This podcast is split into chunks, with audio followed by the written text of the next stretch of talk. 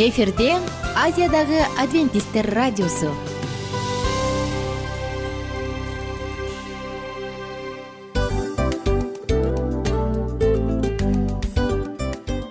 Достор салют.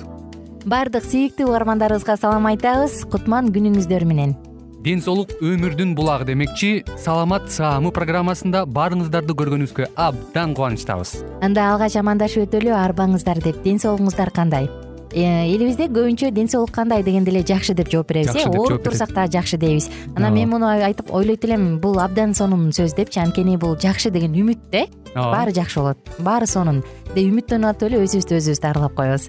Анысы кандай? Сиздин дагы ден соолугуңуз жакшы беш деген үмүттөбүз чындыгында ден соолук бул өмүрдүн булагы деп бекеринен айтылган эмес деп ойлойм. Кыргыз элинде анткени эгерде ден соолук жок болсо анда адамдын жашоосунда калган баардык керектүү маңыздуу нерселер өзүнүн баалуулугун жоготуп коет. Ошондуктан ден соолук бул эң керектүү нерсе. Ооба туура айтасың кесиптешим. Чынында ден соолугуң жок бир эки үч күн ооруп калсаң эле э кандай болуп калат? Жашоодо көз каранды болуп каласың көп нерсеге жетишпей каласың көп нерсени кыла албай каласың жада калса эшикке дүкөнгө да чыга албай каласың. Туптуура анан ден соолук болсо демек биз биздин бактыбыз тотой деп койсок болот.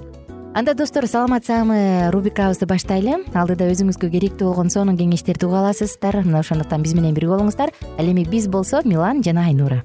Кеттик алга. Алга саламат саама ден соолуктун жарчысы. Саламат саама ден соолуктун ачкычы. Күн сайын сиз үчүн мыкты кеңештер сонун жаңылыктар кызыктуу фактылар биздин рубрикада.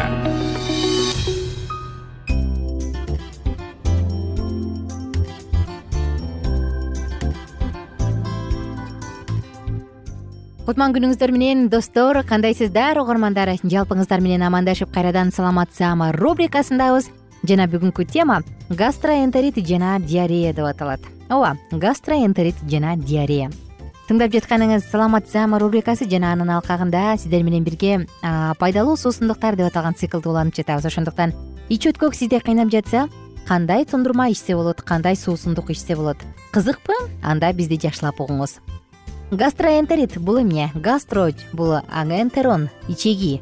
Адам жана жаныбарлардын карыны менен ичегисинин сезгенүүсү адам тамактан уланганда бактерия жукканда сапатсыз суу ичкенде түрдүү ооруларда оор металлдар сымап жана башка менен ууланганда дал ушул гастроэнтерит оорусу пайда болот.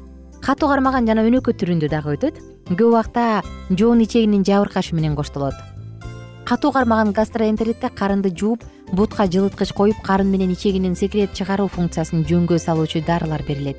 Өнөкөт түрүндө болсо узак убакыт диета кармоо тамактануу режимин сактоо зарыл жана тиешелүү дарылар менен дарылоо жүргүзүлөт. Жаныбарда бузулган тоюттан химиялык жана өсүмдүк ууларынан жугуштуу оорулардан кийин пайда болот. Ал эми адамдарда жогоруда айтылгандай нерселер пайда болот. Анан табит тартпай ич курулдап чычкактап дем кыстыгуу дагы белгилери болушу мүмкүн. Мына ушундай достор.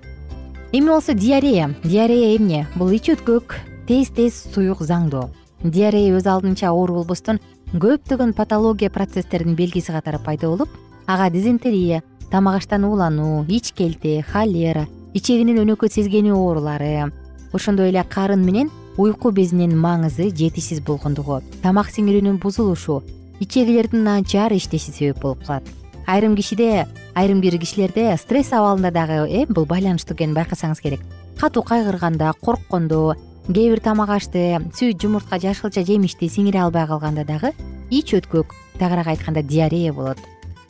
Диарея лабораториялык бактериологиялык рентгендик жана эндоскопиялык изилдөөлөр менен аныкталат. Оорулуу айланасындагыларга жуктуруу коркунучунда гана ооруканага жаткырылат инфекциондук болуп калса. Өз алдынча дарыланып антибиотиктерди колдонуу оорунун белгилерин чаташтырып туура диагноз коюуга тоскоол болот жана дарттын кабылдап кетишине алып келет. Алдын алууда тамактануу тартибин жеке гигиенаны туура сактоо ичеги карын оорусун алдын алуу жана дарылоо зарыл. Мына достор ушундай. Бул диарея тууралуу бир аз маалымат болду. Эми достор алдыда сиздер менен бирге кантип маалымат кантип дарыланыш керек? Деги эле эмне кылыш керек? Мына ушул жөнүндө сөз болот жалпы угармандарыбызды биздин саатыбызга чакырабыз. Эгерде сизде жакыныңызда өзгөчө балдары бар адамдар э өзгөчө балдарда бул улам улам боло турган болсо анда сөзсүз түрдө диареянын алдын алып аны менен күрөшкөнгө үйрөнүп алган жакшы. Диарея учурунда дагы эмнени эске алыш керек? Бул баланын туулганына эмес турганына сүйүн деп ата бабаларыбыз бекер айтылбаса керек. Ошондуктан балдарда өзгөчө ич өткөк көп кездешет эмеспи. Алардын дене табы көтөрүлөт анан кусат э, шалпайып чалдырап жатып калат тамакка табити тартпай калат. Бул дагы диареядан улам болот. Тагыраак айтканда организм суусунда суусуздандырылып кеткен. Жогоруда айтылгандай диарея бул өзүнчө оору деп коюлбойт бирок бул кайсы бир патологиялык процесстердин улам жыйынтыгы болушу мүмкүн. Ошондуктан себеби эмнеде муну билип алуу зарыл. Мүмкүн канчалык бир деңгээлде анда стресс болуп аткандыр бактериялар кирип кеткендир магний каражаттары дары дармек мүмкүн өтө майлуу азыктыр айтор себептери толтура болушу мүмкүн э? Бул себепти билип алып туруп анан дарылаган жакшы. Диареяда биз сиздерге мексика арчатасы деп аталган сонун суусундукту сунуштайлы деп турабыз. Негизи валенсиялык арчата испанияда жасалган мексика арчатасынан бир аз айырмаланып келет. Анткени мунун негизинде уйдун сүтү эмес салт катары мындай арчатага соя сүтүн кошушат кошушат. Жана ошондой эле соя сүтү пайдалуу болгондуктан ичеги карындын бузулушун жардам бергендиктен бузулушунда бул нерсе кошулат. Корица менен кокос болсо мындай пайдалуу суусундукка сонун даам жагымдуу даам берет. Ал эми эгерде башка нерсени кааласаңыз мындай суусундукка клубниканы кулпунайды же башка мөмө жемишти жер жемишти кошуп койсоңуз дагы болот. Күнүнө төрт стакандан алты стакан ичүү менен бирге сиз диареяны токтотосуз жана ошондой эле организм жоготуп койгон витамин менен минералдарды калыпка келтире аласыз. Мексика арчатасы деп аталган суусундуктун напитоктун касиети. Бул үч өткөктөн диареядан мыкты каражат ичеги карындын иштешин регулировкалайт жана азыктандыруучу. Анын курамында адамдын организмине керек болгон б эки витамининин он алты пайызы кальцийдин он үч пайызы фосфордун тогуз пайызы магнийдин сегиз витамин б алтынын алты темирдин беш е витамининин төрт жана цинктин үч пайызы камтылган. Анда мексика арчатасы сизге кызык болуп калдыбы кантип даярдайм деп турасызбы? Кулак түшөңүз ингредиенттер. Сегиз порция үчүн ар бири эки жүз элүү миллилитрден.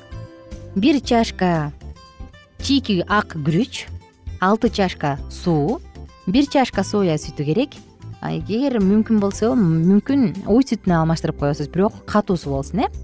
Бир чашка кокос стружкасы керек. Аны миндаль менен алмаштырып койсоңуз дагы болот. Жана бир чай кашык корица порошогу керек. Бир аш кашык майдаланган лимон керек. Болду. Ушул алган чийки күрүчтү бир жарым литр сууга алты сегиз саатка чейин чылап коюңуз. Андан соң аны суусу менен кошо блендерге салыңыз дагы ага кокосту корица лимонду панеланы кошуп коюңуз. Тростник кум шекерин кошуп койсоңуз болот. Жакшылап бирдей масса пайда болгончокту блендерде аралаштырасыз. Баардык пайда болгон суусундукту концентрация консистенцияны марлиден же болбосо темир ситкада ситадан өткөрүп алыңыз электен. Андан кийин ал жака соя сүтүн же күрүч сүтүн кошуп туруп жакшылап аралаштырыңыз. Болду достор мындай кылуу менен сиз өзүңүзгө пайдалуу азыкты алган болосуз. Ичиңиз өтпөсүн оорубаңыз бар болуңуз аман болуңуз. Өзгөчө кичинекей балдарда бул абдан жүрөктүн үйлүшүн алган көрүнүчү ошондуктан бул нерсе бар боло турган болсо кудай сактасын туура дарыланыңыз. Мен болсо сиздер менен коштошом кийинки уктуруудан кайрадан амандашканча бар болуңуздар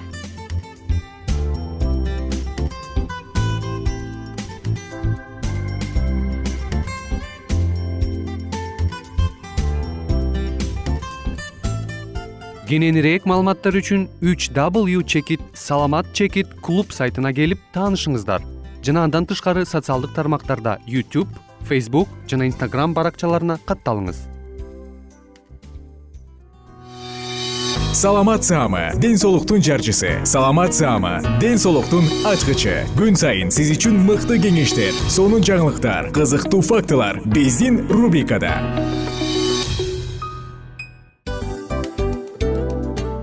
салам достор. Кайрадан биздин сүйүктүү рубрикабызга кош келиңиздер деп айтмакчыбыз. Баардык замандаштарыбызга арбаңыздар деп саламыбызды айтабыз. Улуу ушундай бир э, урматтаган учурашуу менен анан дил маек радио баракчабызга чакырабыз. Негизи дил маек биздин рубрикабызда эмне жөнүндө кеп кылабыз бул дил маектин мааниси эмнеде рубрикабыз менен кичине тааныштырып кетсеңиз.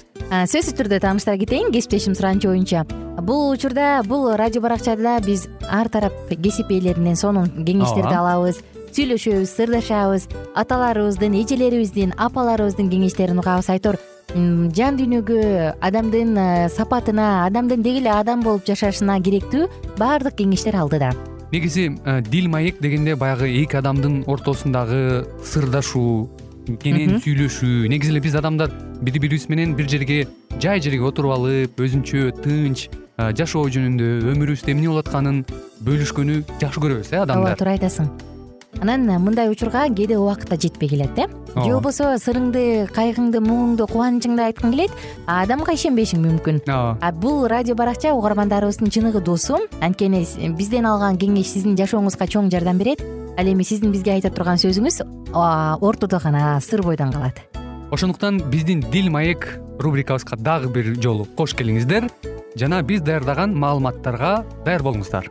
Айнура жана милан сиздер менен бирге алдыга кеттик ар түрдүү ардактуу кесип ээлеринен. Алтын сөздөр жүрөк ачышкан сыр чачышкан сонун маек. Дил маек рубрикасында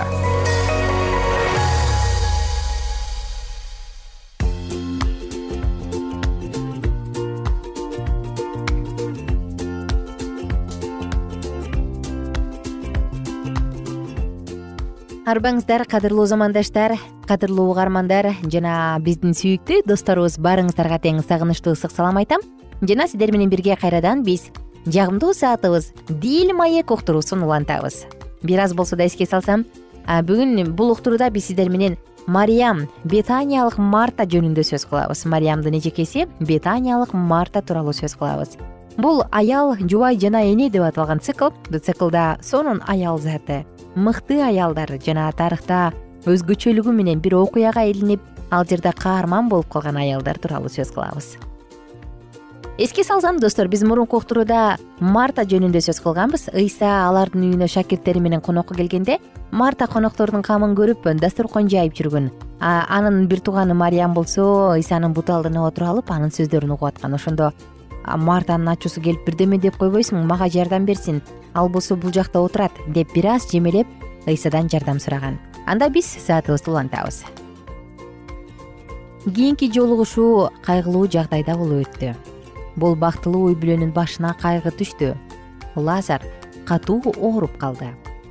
Эжелери иордандын наркы өзүндө насаат айтып жүргөн ыйсаны тезинен чакыртышты алар ага теңир жакшы көргөн атамың ооруп жатат деп кабарлашты. Эжесиңдер ыйсаны дароо келе калат деп күтүшүп анын келээр убактысын эсептеп жатышты бирок ыйса келген жок. Лазар болсо өлүп калды. Кудай анын өлүмү аркылуу даңкталууга тийиш эле. Ыйса лазарды айыктыруу аркылуу эмес аны өлгөндөн кийин тирилтүү аркылуу досторун бактылуу кылгысы келди. Эже сиңдилер муну билбегендиктен эгерде теңир бул жерде болсо бир тууганыбыз өлмөк эмес деп кайра кайра айта беришти. Лазардын көргө коюлганына төрт күн болуп үй толо эже сиңдилерге көңүл айтуу үчүн келген адамдар эле ошол учурда ыйса келди. Кайгыдан мүңкүрөгөн мариям үйдө калган бирок мартанын түйшүкчүл мүнөзү өзгөргөн жок. Устат жолдо келатса ал кантип үйдө отура берет. Ал андай кыла алмак эмес. Ал анын жолунан тоосуп чыгып мариям экөө кечке кайталай берген сөздү айтты. Теңир сен бул жерде болгондо бир тууганым өлмөк эмес. Анын сөздөрүндө даттануу эле эмес ишеним үмүт да бар эле. Бул анын дароо эле. Бирок мен азыр да билем сен кудайдан эмне сурасаң да кудай сага берет деп кошумчалаганынан көрүнүп турат. Башкача айтканда ал али да болсо үмүт бар деп айткысы келгендей ыйсанын бир тууганың тирилет деген убадасын марта келечекте аткарыла турган убада деп ойлоду. Бирок ыйса аны төгүнгө чыгарылгыс чындыктын алдына койду. Мен тирилүүмүн жана өмүрмүн тирилүү келечектен үмүт кылуу эмес. Ал азыркы учурдагы реалдуулук болуп эсептелет. Ыйса өмүр берүү менен эле чектелбейт. Ал ошол өмүрдүн өзү марта буга ишенерин ачык айтып жооп берди. Ооба теңир дүйнөгө келе турган кудай уулу машаяк сен экендигиңе ишенем. Ыйса чынында эле машаякпы же жокпу? Деген суроону көптөр өздөрүнө берип келишкен. Жана бул суроо көптөгөн кайчы пикирлерди пайда кылган. Марта өзүнүн жообунун маанисин толук түшүнө албаса да ушинтип жооп берүүнү туура тапты. Марта мариямды чакырды. Мариям болсо ыйсага келди ал анын кайгысын түшүнүп эле тим болбостон кайгысын тең бөлүштү кудайдын уулу ыйлады. Жашагандан уялган жок. Эжесиңди ал жерде тургандардын баары муну көрүштү. Алар ышаянын алардын башына ар кандай кыйынчылык түшкөндө теңир аларды таштаган жок деген пайгамбарчылыгынын аткарылгандыгын өз көздөрү менен көрүштү. Карагылачы лазарды ал кандай жакшы көрчү дешти бирөөлөрү башкалар болсо аны айыпташып бул сокурдун көзүн ачпады беле анан ушуну өлүмдөн алып кала алган жокпу? Деп нааразы болуп жатышты. Ушул жерден машаяктын кыйналуусу айкын болду. Ал билип туруп өлүмгө барган учурунда эле эмес өлүмдүн үстүнөн бийлиги бар экенин далилдеген көз иримимде да кыйналды. Ал адамдардын түшүнбөстүгүнөн досторунун ишенимсиздигинен кыйналды. Ал мартанын жүрүм турумунан да кыйналды марта кайрадан анын сөзүн бөлдү. Ыйса ташталып салгыла деп буйруганда марта лазардын көргө коюлганына төрт күн болгонун денеси чирий баштагандыгын ыйсага эскертүүнү туура көрдү.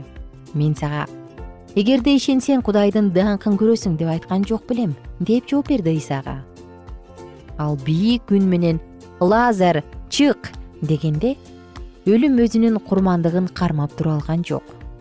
Ал аны бошотту лазар тирилип алардын алдына турду.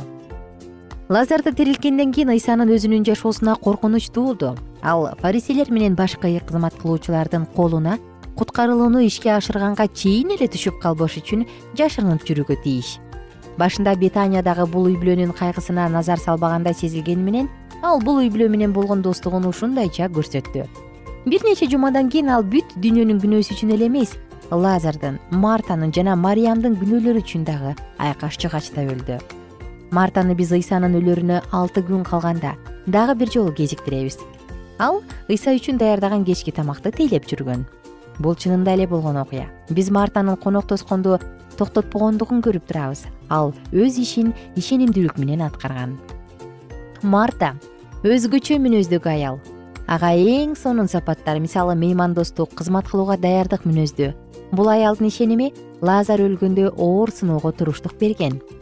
Андан сырткары марта кайраттуу аял. Жүйөттөрдүн ыйсага болгон жек көрүүсү чегине жетип аны өлүмгө өкүм кылуу менен бүткөндө марта теңирге ишенимдүү бойдон калган. Ыйса аны сүйчү. Ыйса аны менен дос болууну ылайык тапкан.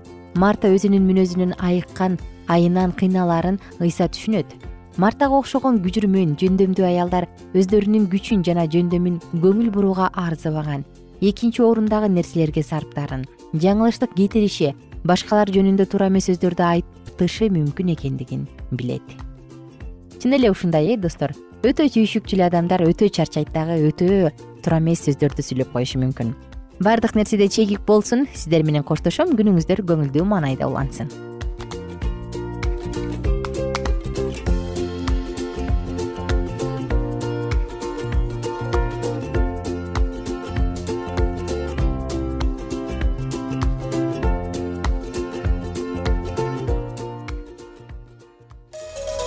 ар түрдүү ардактуу кесип ээлеринен. Алтын сөздөр жүрөк ачышкан сыр чачышкан сонун маек. Дил маек рубрикасында.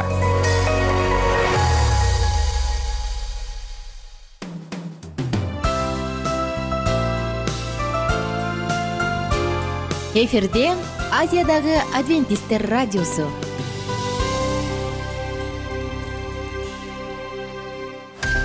жан дүйнөңдү байыткан жүрөгүңдү азыктанткан жашооңо маңыз тартуулаган жан азык рубрикасы.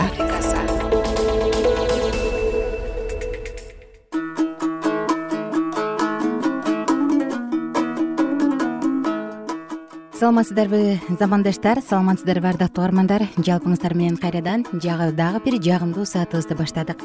Бул саат жан азык деп аталат. Тагыраагы биз сиздер менен мына ушул мүнөттөрдө жан дүйнөбүздү ички дүйнөбүздү азыктандырабыз сиздер менен биз аюп пайгамбардын китебин окуп жатканбыз. Бул уктурууну андан ары улантабыз. Ошондуктан угармандар биз менен бирге болуңуздар. Бүгүн аюптан он биринчи бөлүмдөн андан ары окуйбуз. Аюп китеби он биринчи бөлүм. Сопардын биринчи сөзү. Ошондо наамалык сопар мындай деп жооп берди көп сөз кантип жоопсуз калсын? Же көп сүйлөгөн адамдыкы эле туура бекен сенин маңызсыз сөздөрүң адамдардын оозун жаба алабы же ооз көптүргөн сөздөрүң үчүн сени уяткарып койчу адам жок бекен сен менин оюм туура сенин алдыңда мен тазамын дедиң. Эгер кудайда сүйлөсө ал сага каршы сүйлөсө. Сага адамдын акылы жеткис терең сырларын ачса анда сен эки эсе жазаланат элең ошондуктан билип кой. Кудай сенин кээ бир мыйзамсыз иштериңди эсине алган жок. Кудайды сен изилдөөң менен таба аласыңбы? Кудуреттүү кудайды толук түшүнө аласыңбы? Ал асмандан да бийик. Эмне кыла аласың? Ал өлгөндөр жаткан жайдан терең. Эмне биле аласың анын чеменеми жерден узун деңизден кенен. Эгерде ал өтүп бара жатып эле кимдир бирөөнү туткундап алып жазага тартса ага каршы ким чыга алат? Анткени ал калпычы адамдарды билет мыйзамсыздыкты көрүп турат. Анан кантип ага көңүл бурбай койсун? Жапайы эшектен адам төрөлбөгөндөй эле акылсыз адам акылдуу боло албайт. Эгерде жүрөгүңдү өзгөртүп кудайга колдоруңду сунсаң эгерде сенин колуңда күнөө болсо бирок аны жоюп койсоң өз чатырыңда мыйзамсыздыктын жашашына жол бербесең анда жүзүң жарык болот бекем болосуң коркпойсуң. Ошондо сен кайгыны унутасың аны агып кеткен сууда эскересиң. Өмүрүң чайыттай ачык күндөн да ачык болот таң сыяктуу агарасың. Тынч жашайсың анткени үмүтүң бар. Сен коргоодосуң. Ошондуктан тынч уктай берсең болот. Жатканда сени эч ким коркутпайт. Көпчүлүк сенден ырайым издейт. Ал эми мыйзамсыздар карайлап калышат. Башкалкалар жайынан айрылышат. Үмүттөрү үзүлөт. Аюп китеби он экинчи бөлүм. Аюптун үчөөнө тең жооп бериши. Аюп мындай деп жооп берди чынында силер балбул бар болгону адамсыңар. Акылмандыгыңар өзүңөр менен кошо жок болот. Менде да силердикиндей эле жүрөк бар. Силерден мен кем эмесмин муну ким билбейт? Өз досума шылдың болдум. Кудайга кайрылып жүргөн анын өзүнөн жооп алып жүргөн мендей адил кемчиликсиз адам күлкү болду тынч жашаган адам кырсыкты жек көрүү керек деп эсептейт. Кырсык бутунан мүдүрүлгөнгө даярдалган деп ойлойт. Талаптануучулар өз үйлөрүндө тынч жашашат. Кудайды өз колуна көтөрүп жүргөнсүп аны каарданткандар да коопсуз жашашат. Чынында жаныбардан сурасаң ал сага үйрөтөт.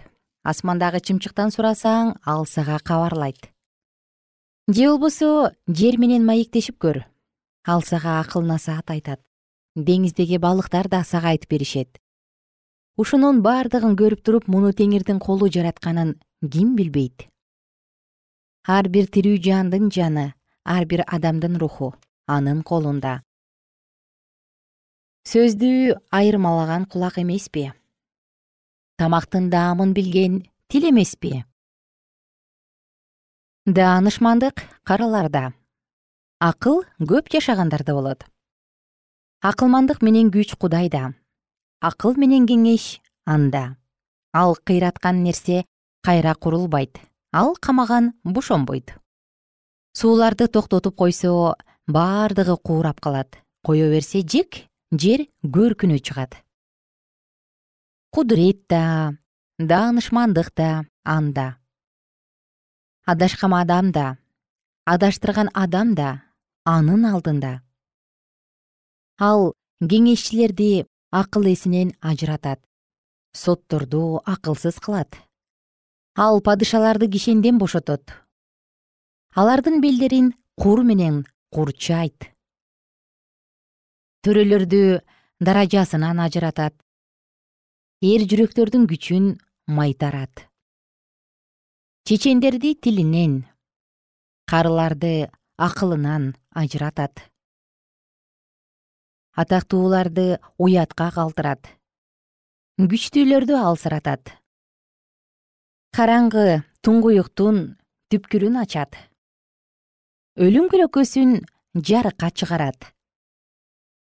Элдерди көбөйтөт да жок кылат.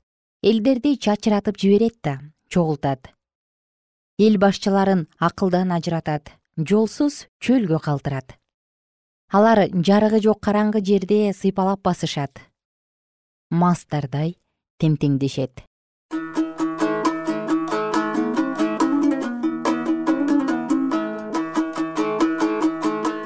Кадырлуу замандаш бүгүн сиздер менен бирге ушул жерден токтотобуз. Жана кийинки бөлүмдө биз он үчүнчү бөлүмдөн баштап андан нары окуганды улантабыз.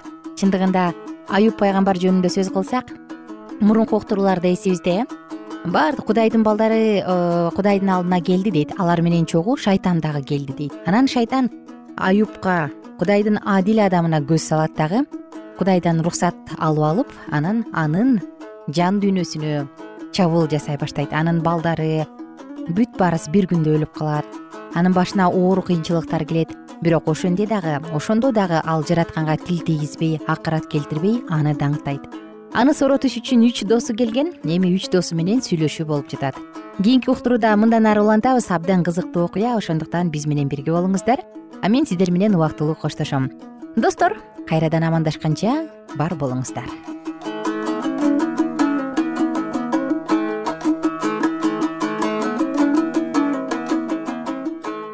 эгер сиздерде суроолор болсо же көбүрөөк маалымат билем десеңиз анда биздин whatsapp номерибизге жазыңыз. Плюс бир үч жүз бир жети жүз алтымыш алтымыш жетимиш. Кайрадан плюс бир үч жүз бир жети жүз алтымыш алтымыш жетимиш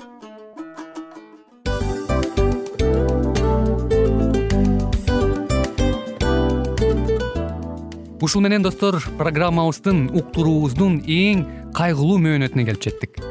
Кайгылуу дегенде ыйлагым келип кетти кесиптеш. Кадимкидей. Анткени баягы учурашасың анан коштошуу учур келгенде ии кантип ии эми эми бат келиптир э сагындырбай деп атып араң коштошобуз го анысы кандай угармандарыбыз менен коштошчу учур келди кийинки уктурууларды сагыныч менен жүрөгүбүздө кусалык менен күтөбүз жалпыңыздарды анан жарым сааттык уктуруу көз ачышым канча өтүп кетти.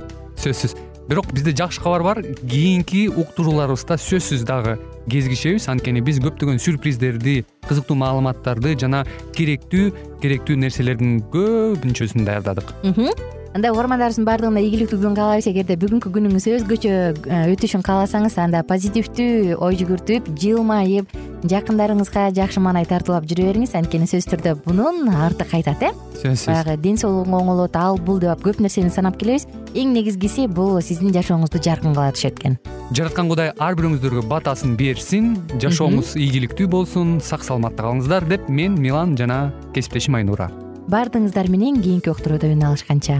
Баарыңыздарга ийгилик каалайбыз.